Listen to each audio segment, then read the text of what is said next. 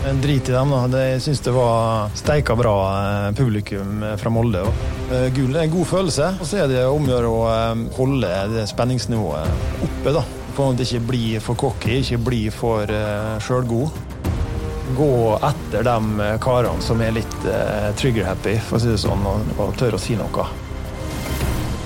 Velkommen til RB Sporten, Romsdals Bustikkes podkast for fotball og idrett i Romsdal. Mitt navn er Karl Innbjørn, og vi har med oss et uh, spenstig panel i dag. Og Da starter vi med det, Pernille Husby. Jeg skulle til å si god dag, men det er ikke en god dag, så derfor sier jeg hei.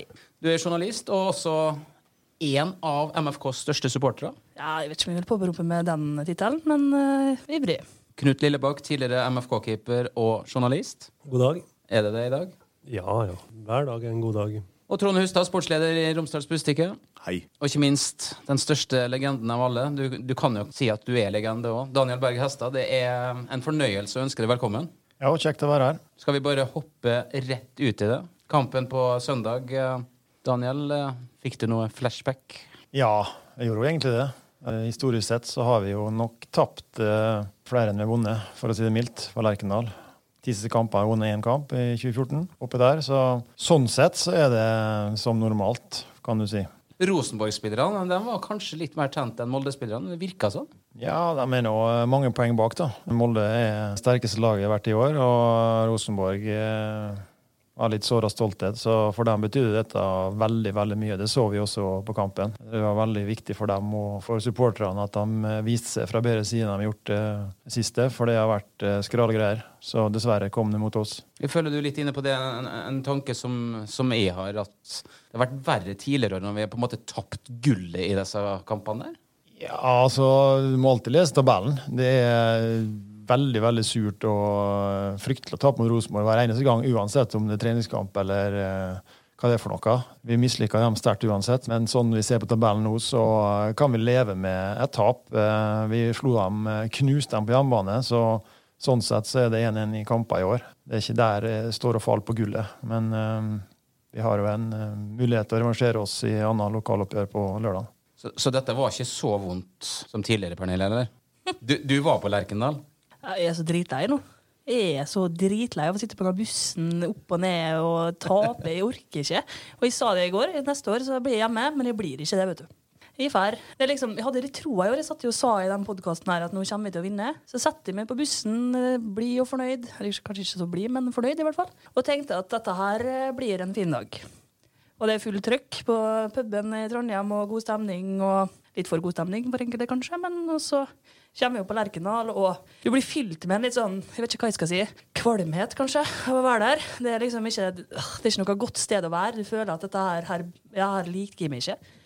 Og så skårer vi, og det er stor stemning. Jeg hoppa så høyt jeg kunne. Ikke så veldig høyt, men i hvert fall. Og kjempe, masse klemming. Og, og så kommer det imot, og da fikk jeg litt flashback til i fjor. Og ute i bussen hadde aldri gått så fort ut av en stadion før som vi gjør på Lerkendal. Uh, inne i bussen. Og der sitter radioen fast på en julekanal, så da kjører vi til ferga med julemusikk. Så det, ja, det var dårlig stemning. Knut, du har jo også opplevd Lerkendal. Ja. Hvordan uh, opplevde du kampen her? Nei, det er en uh, rar kamp. Molde var klart best første 20-25 minutter, og så slutta Molde å være best, og da, da gikk det som det måtte gå. Du ser kanskje på stallen til Molde at eh, det er greit Molde har en brei stall, men de mangler jo hester Eikrem, Knutson i hvert fall, før kampen, og så må OI ut, og så Bolli ut. Det er fem mann, og da merker du at det er noe som mangler framover. Trond Hustad, eh, sitter du igjen og er veldig skuffa nå etter kampen? Eh, ja, jeg hadde store forhåpninger. Jeg var, det er ganske sjelden da, at jeg tror at Molde kommer til å vinne bort mot Rosenborg. Det trodde jeg faktisk denne gangen her. Det var gode grunner til å, å være optimistisk, syns jeg. Jeg var veldig imponert over den måten de starter kampen på. Da. Det er jo ikke ofte at du har sett det på bortebane mot uh, Rosenborg. At de egentlig uh, herja litt med dem og rysta dem da, i uh, bortimot en halv time. Og så er det lett å peke på uh, mange forskjellige personer som gjør det eller det feil i forkant av uh, disse tre måla som kommer. Men uh, jeg er skuffa over eh, at de ikke klarer å stå imot bedre når de faktisk har 1-0-ledelsen. Og jeg er skuffa over at de ikke har mer oppfinnsomhet eller guts eh, i andre omgang til å bryte gjennom og få dette her 2-2-målet, da, som jeg er sikker på hadde kommet til å snudd kampen i Molde sin favør igjen. Når du sitter og ser på dette her, hva er det som blir gjort feil? Hvorfor klarer ikke Molde å vinne denne kampen når de leder 1-0? Jeg er enig med dere. Starten er veldig bra. Rosenborg er rysta. De sliter med å finne nøkkelspillerne sine. Vi har eh, bra momentum. Vi, vi har muligheten å skape enda mer enn det vi gjør. Og så um, hva jeg si, Vi blir litt på etterskudd, legger oss litt lavere. De begynner å komme rundt på sidene, spesielt venstresida med Meling. Vi er litt ute av posisjon. De begynner å få noen innlegg, og i tillegg så er de giftige på kontringer. Da snur sånne kamper veldig fort. Andre omgang er jo et helt annet kapittel. Det er jo Molde styrer jo det meste, har masse ball. Men jeg må gi honnør til treneren til Rosenborg, faktisk, som uh, har to spisser. De gir kant. De lar Molde slå innlegg på innlegg på innlegg. Jeg tror de kunne slått 500 innlegg uten at det er blitt farlig. De er veldig gode og robust sentralt der, og vi har én spiller som er i boks ofte og leker James. Så når OI går ut og flere andre ikke er der, så blir det litt for lett å demme opp for, eh, for den type fotball. Så vi kommer oss rundt én gang, og der Christensen gir til Netsas, eh, som er farlig. Ellers så skaper vi svært lite. Det er tilfeldig, og Ellingsen har skudd der. Så det er grunnen dem som har flest sjanser i andre omgang. Det er selvfølgelig skuffende i forhold til at vi er en mann mer og, og ligger under. Molde ble fighta ned. Da føler jeg at Molde mangler en midtbanesjef som på en måte går i krigen. Vi savner en Daniel Berg Hestad. Det er vanskelig for meg, meg å, å, si, ja, men, si, eh, men, det er jo vi, vi, vi vinner noe og taper noe med de spillerne vi har i klubben. Og de aller fleste gangene så vinner vi veldig mye med alle spillerne vi har der. Vi er for meg klart beste laget i landet. Uh, av og til så uh, blir det sånne type kamper der vi må stå bra defensivt. Vi må jobbe oss inn i kampen igjen. Vi må uh, være robuste og stå knallhardt i en, i blokk da, for en måte, og demme opp. Sånn som i Europa, f.eks. Av og til uh, kunne jeg kanskje trengt mine egenskaper, men det er veldig sjeldent, egentlig. ja, men, men en, en, litt annen type fotballspiller, da. Jeg er helt enig. Molde har eh, det beste laget, og det er derfor Molde også kommer til å vinne gullet. Men vi savner kanskje en litt annen type. I hvert fall så gjør jeg det. Ja, dette er en diskusjon som har levd eh, lenge, da. Helt siden Molde begynte å, å samle på eh, veldig like midtbanespillere, egentlig. De er ikke like, selvfølgelig. Men eh, det er så mange gode ballspillere som er teknisk, som er kjappfota, som ikke veier så mange kilo, kanskje heller. Jeg ser også dette her noen kamper. Eh, jeg er ikke så opptatt av det som du har vært, eh, Karl Henrik. Men eh, jeg tror vel at Fredrik Sjølstad f.eks. ble henta hit fordi han var tenkt å kunne fylle en del av den rollen. da. Eh, jeg syns han er en spennende type, fordi han har en litt annen fysikk og noen andre ferdigheter. Men eh, jeg er usikker på om han kan eh, være den som på en måte alene skal dra med seg resten, eller stå imot og snu det når det blir tøft. Jeg registrerte at Rosenborg sin trener sa etter kampen at vi har sett at Molde ikke er så god på gress. Så kommer den saken opp igjen. Er det forskjell på Molde på kunstgress og gress, Daniel? Jeg har sett Molde spille god kamp på gress, men selvfølgelig er det Eh, kan være vanskelig å omstille seg. Det er verre den veien, mener jeg, da, fra kunstgress til gress enn eh, fra gress til kunstgress. Men Lerkedal så ganske grei ut. Det var litt sleipt, så jeg, men eh, ellers så jeg tror ikke det har så mye å si. Men jeg må komme tilbake til den andre omgangen, for det, der, altså det er 45 minutter igjen. Vi ligger under 2-1, men vi har da en omgang på å snu dette med en mann mer. Det vi må se på, spør du meg. da.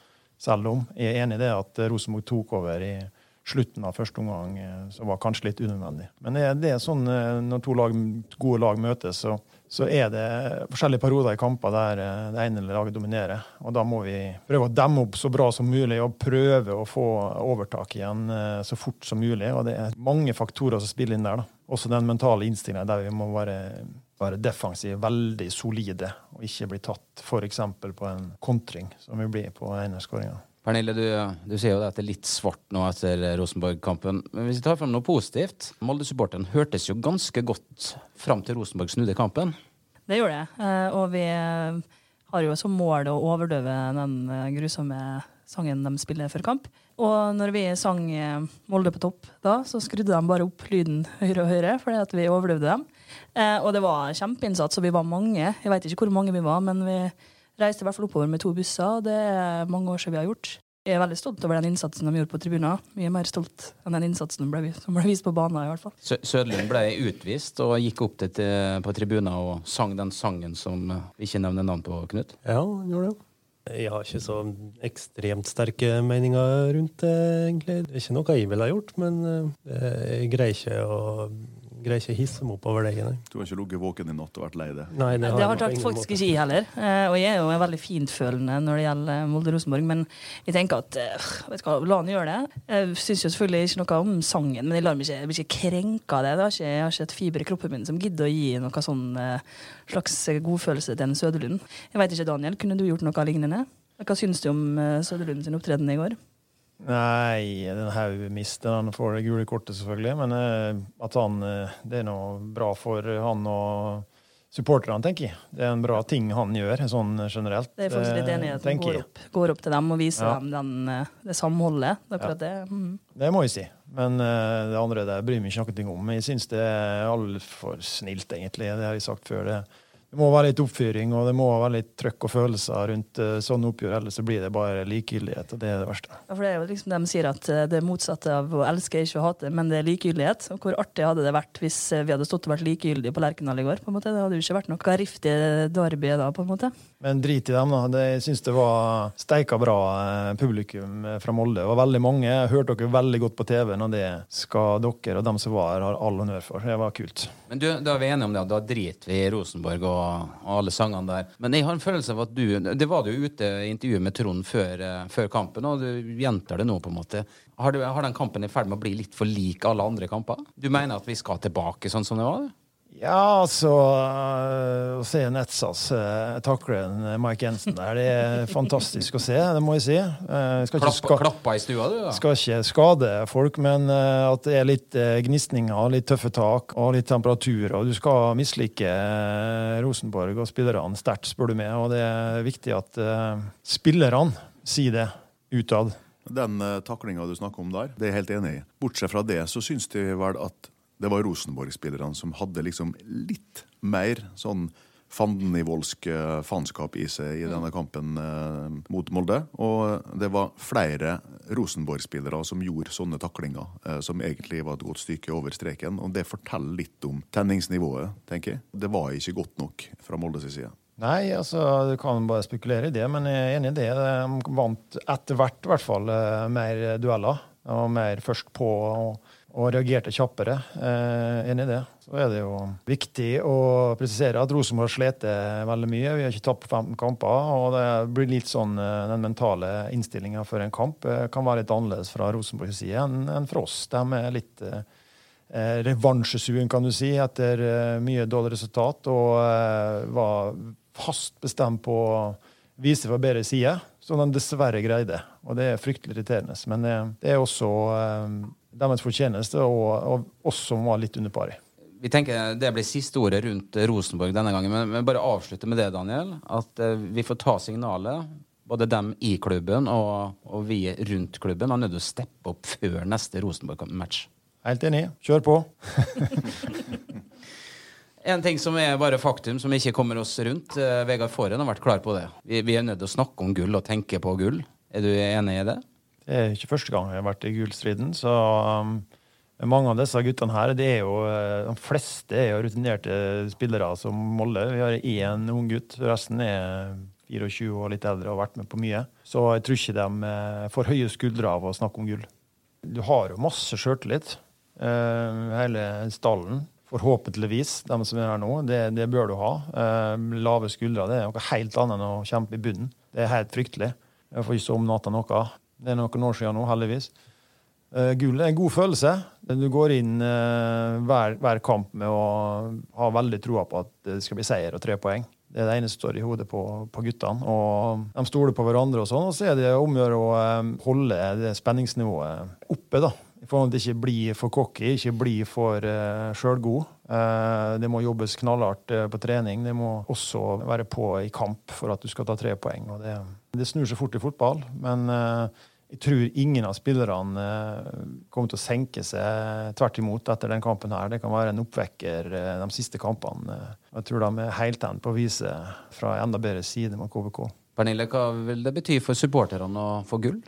Nei, det vil eh, bety veldig mye. Altså, det hjelper ikke hvor mange ganger du har vunnet gull før. Det samme Følelsen er like god uansett.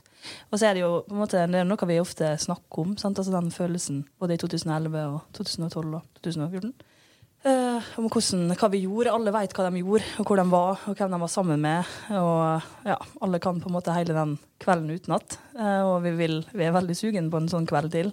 Uh, og jeg har jo allerede tatt ut en feriedag, i, så vi skal skape nye minner. Så det betyr veldig mye. Og det, det er jo det vi på en måte trøsta oss med på bussen hjemme i går.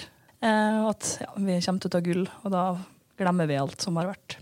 Hvordan opplever du klubben nå, Trond Hustad, kontra Første gangen Molde tok gullet?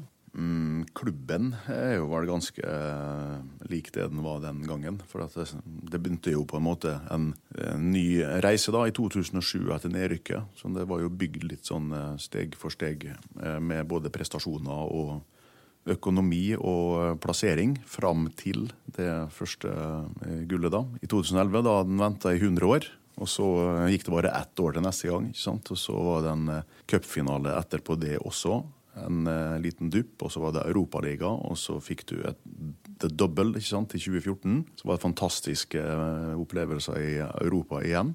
Men nå har det gått fem år, ikke sant. Uh, og det er jo ikke lenge i historisk målestokk, men når du først har vunnet tre ganger da, i løpet av fire år, så er faktisk utålmodigheten til, til å kjenne på. Sånn at Jeg tror Molde trenger det gullet nå, og det er de nødt til å ta. Jeg er helt sikker på at de klarer det også. Men det blir ikke lettere om ett eller to år. Og du kommer ikke alltid til å ligge tolv poeng foran Rosenborg når det nærmer seg slutten. Hvordan opplever du det, Knut? Nei, altså Jeg kjenner ikke så godt til eh, hvordan klubben og spillergruppa er nå. Men eh, jeg regner med, sånn som Daniel sier, at eh, de er egentlig ganske trygge i garderoben her. og jeg tror det får vi se mot KBK, at eh, da er de tilbake igjen sånn vi har sett dem store deler av året, og dette her går greit. Da skal vi fylle tribuner, Daniel? Ja, vi er inne på litt den Trond-sida om eh, at vi er kaller bortskjemt. Eh, der fra 11 til, 15 så hadde vi store opplevelser hvert eneste år. Så går det to magre år skulle du si, uten at det skjer så mye.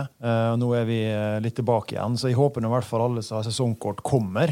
Vi kan jo begynne der. Og så er det jo, eh, er det jo sånn samfunnet er blitt generelt i norsk fotball, at det er litt dalende, kanskje. Og det, det, må vi jobbe knallhardt for å snu.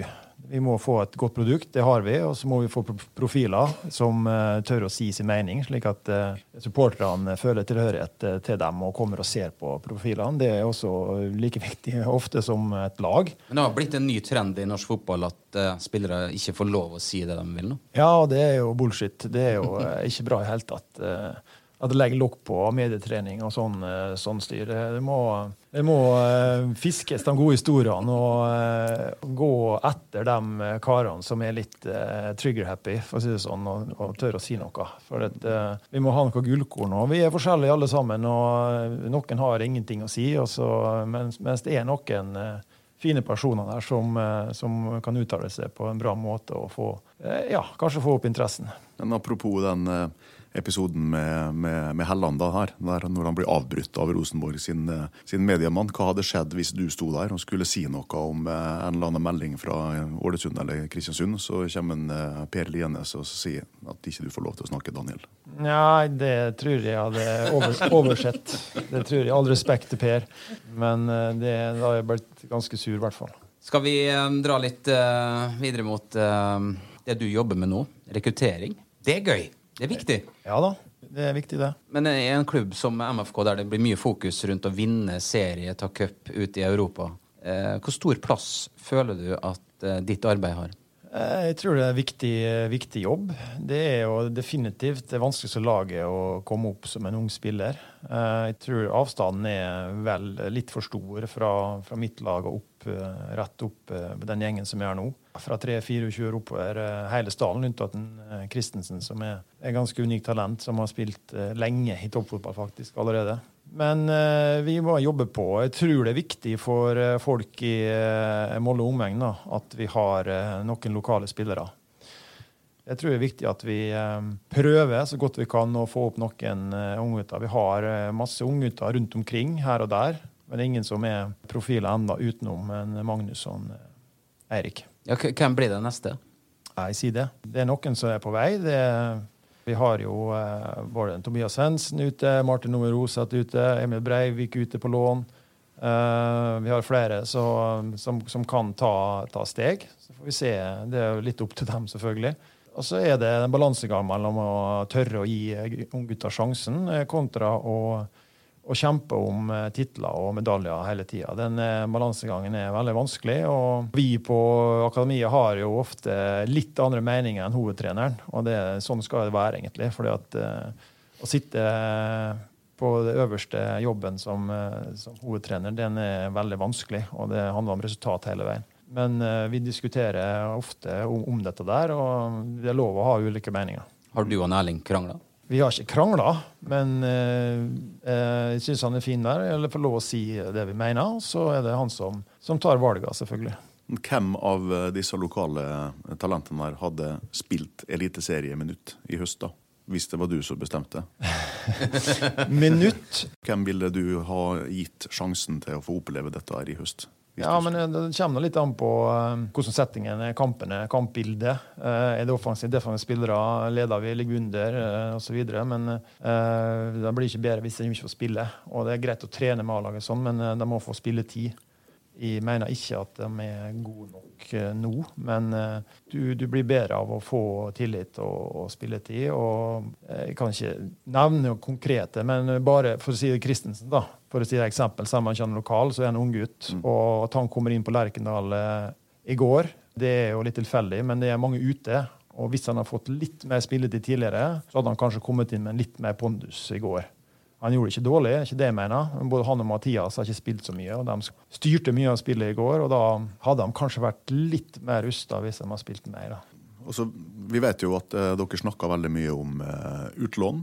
Dette er en strategi som stadig flere klubber gjør nå. Det er å låne ut eh, unge lokale spillere, gjerne tidligere enn man gjorde før. Men er det grunn til å tro at en Sivert Gussiås, som eh, nå er ute og spiller førstedivisjon, at Emil Breivik, altså han er i Strømmen, ikke sant? Breivik i Raufoss, kommer dem tilbake og blir eliteseriespillere i eh, Molde? Eller er ikke det sannsynlig at de vil nå det nivået? Eh, jeg mener de har potensial. Uh, nå er Sivert han uh, går ut kontrakten nå. Jeg vet ikke slags avgjørelse blir tatt der. Emil Breivik han eh, har eh, flere år. Eh, han kommer etter jeg forstår tilbake igjen eh, neste uke.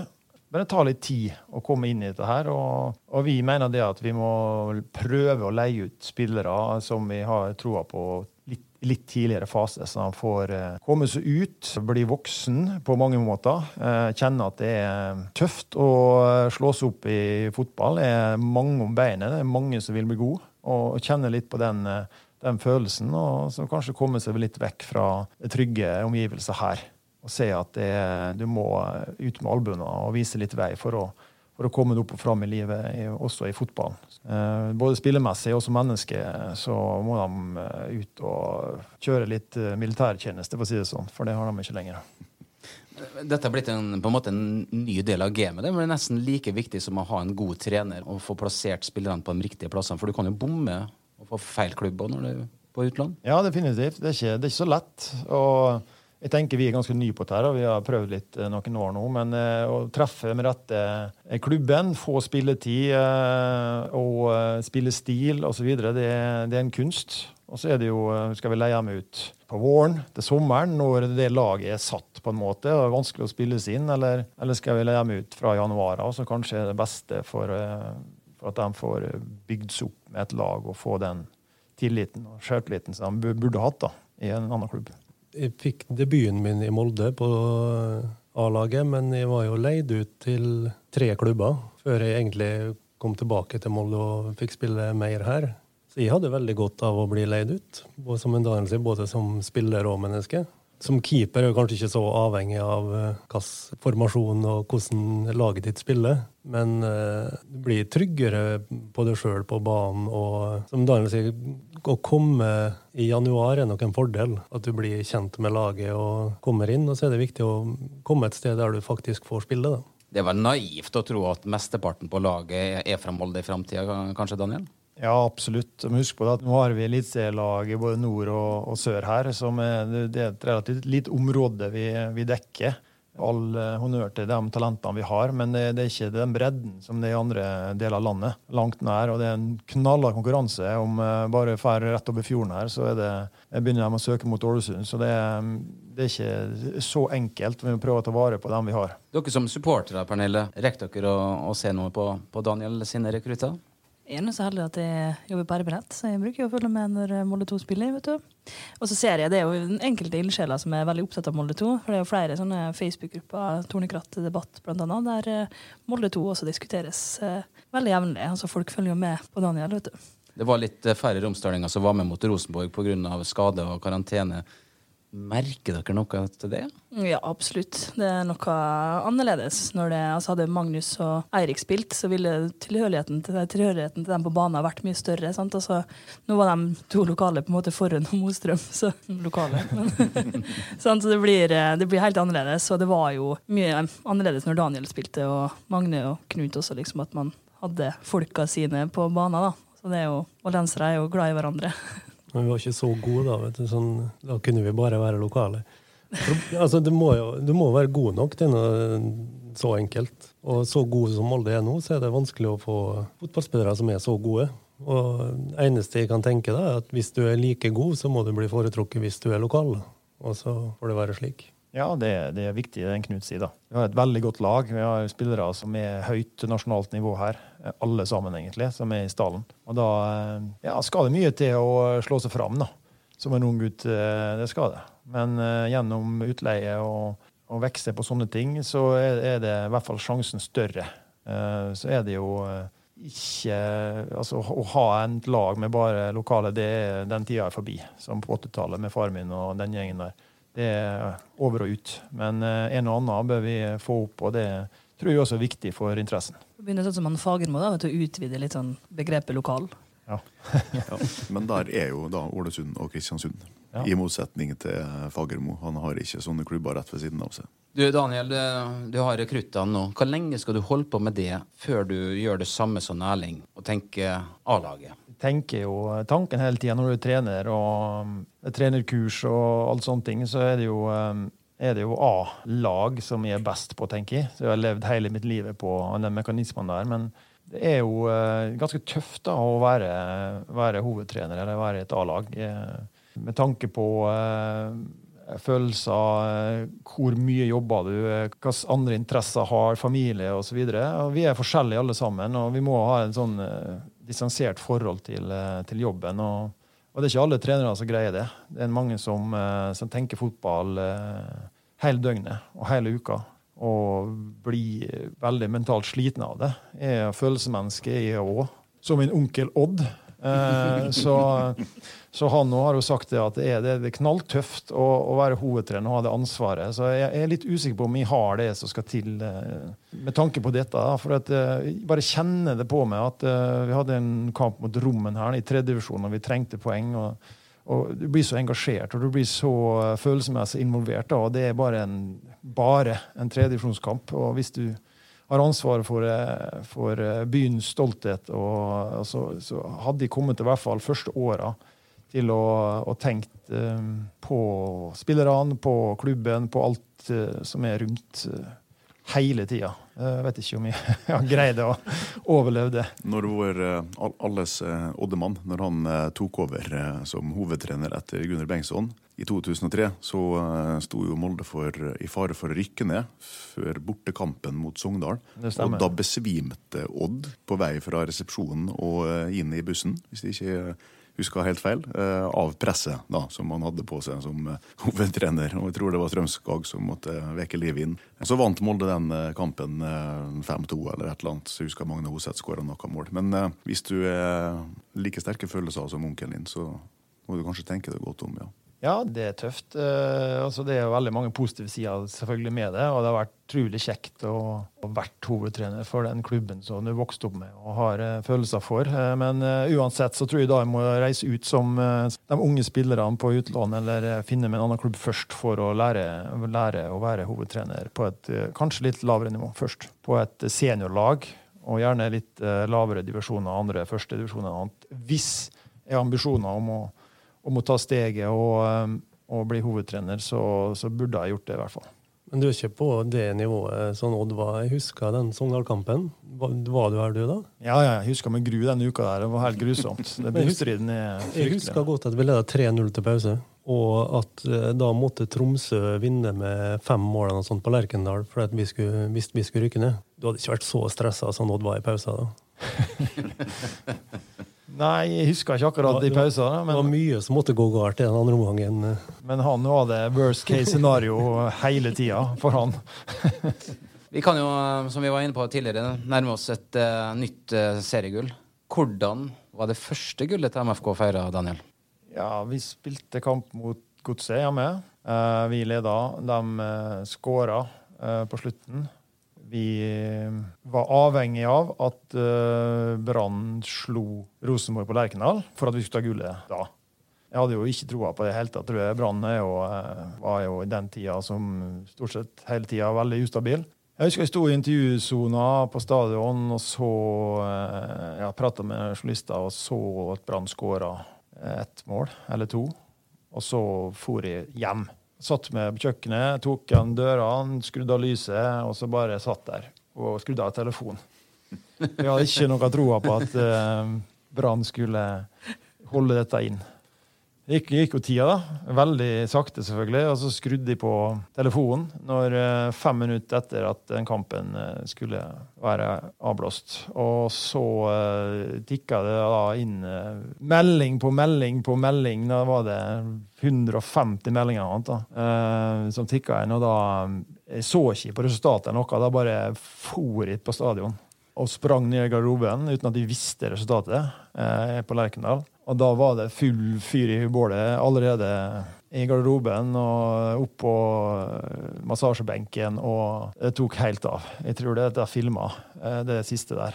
Det var en fantastisk spontan uh, opplevelse. Det ble en skuffelse for at vi eh, røyk en smell mot godset. De skåra på slutten, og så ble det snudd til en fantastisk opplevelse som uh, var godt regissert. Og, uh, og, det var fantastisk for, uh, for, oss, publikum og alle som var rundt, at vi greide det etter altså på 100-årsjubileumsåret. Det, var, det var veldig stort, selvfølgelig. Etter det kan jeg ikke si så mye. Jeg kan. Alt, det gikk fort i glemmeboka, det meste etter det. Før du stikker av herifra, vi har snakka mye fotball nå. Hva gjør du på utenom fotballen, Daniel? Nei, ligger på sofaen og spiller potetgull. Eller så er du oppe i Moldemarka x antall timer per dag. Det blir jo påstått at du trener mer nå enn du gjorde når du var på topp. Nei, det stemmer ikke. Men jeg liker å holde meg i form og liker å um, gå på ski om vinteren og springe litt eh, på sommeren. Og jeg er veldig glad i fjellet og, og, det Molde har å by på. Det er fantastisk for oss som er oppe i 40-årskrisa. Så er det en sånn prototype på, eh, på en norsk nordmann fra Norge som eh, har kommet inn i en eller annen 40-årskrise med Birken og alt det som følger med. du, du, du, er du, er, du er en vinner da, Daniel. Du har helt sikkert satt deg noen mål der òg? Jeg har satt meg noen mål, men det er mer eh, tid og personer å slå. Jeg får konkurrere med Knut Anders Fostervoll, som ikke, ikke ukjente eh, volley-kaptein før meg, eh, som jeg får konkurrere med i ulike idretter. Og han, eh, vi har to løp i lag. Vi eh, slo han ene, og så slo han med, med det andre. Så det er artig motivasjon. Da må det være et tredje løp da, som avgjør dette her. Ja, ja. Kan vi streame det på RB-nett? Kan du ringe til meg, skal jeg bli med? Det sies Daniel, at eh, den neste kampen er alltid den viktigste. KBK. Ja, det er deilig å slippe å nevne dem eh, oppe i nord lenger. Ja, vi har Leinøtt KBK. De er veldig vanskelig å møte. De kan slå hvem som helst, egentlig. De kan ta poeng eh, borte mot, mot Rosenborg og hvem som helst. Så vi har jo slitt mot dem. Det er en perfekt anledning, syns jeg, nå etter etter vi taper. Så eh, jeg håper bare folk eh, kommer og lager en voldsom stemning. Det er perfekt tidspunkt. Eh, både tabellmessig og lørdag klokka halv sju osv. Så, videre. så bare å komme seg til byen, kose seg og gå på kamp og lage god stemning, det, det kan bli steikartig. Er du klar til kamp, Pernille? Ja da. Jeg kjente at det begynte å gå over litt nå den, eh, når Daniel begynte å snakke om gull i 2011. og sånn. Nå ble jeg i godt humør igjen, nå, så nå er jeg klar. Jeg hadde jo en litt kjip opplevelse oppe i Kristiansund som jeg gjerne vil revansjere. Det, vi har grenet til lørdagskamper i hele år, så endelig kommer den. Og da håper jeg at eh, det kommer så masse folk som overhodet mulig. For det trenger vi, og vi, jeg tror vi vinner. Jeg sa det for Rosenborg-kampen òg, men jeg tror det.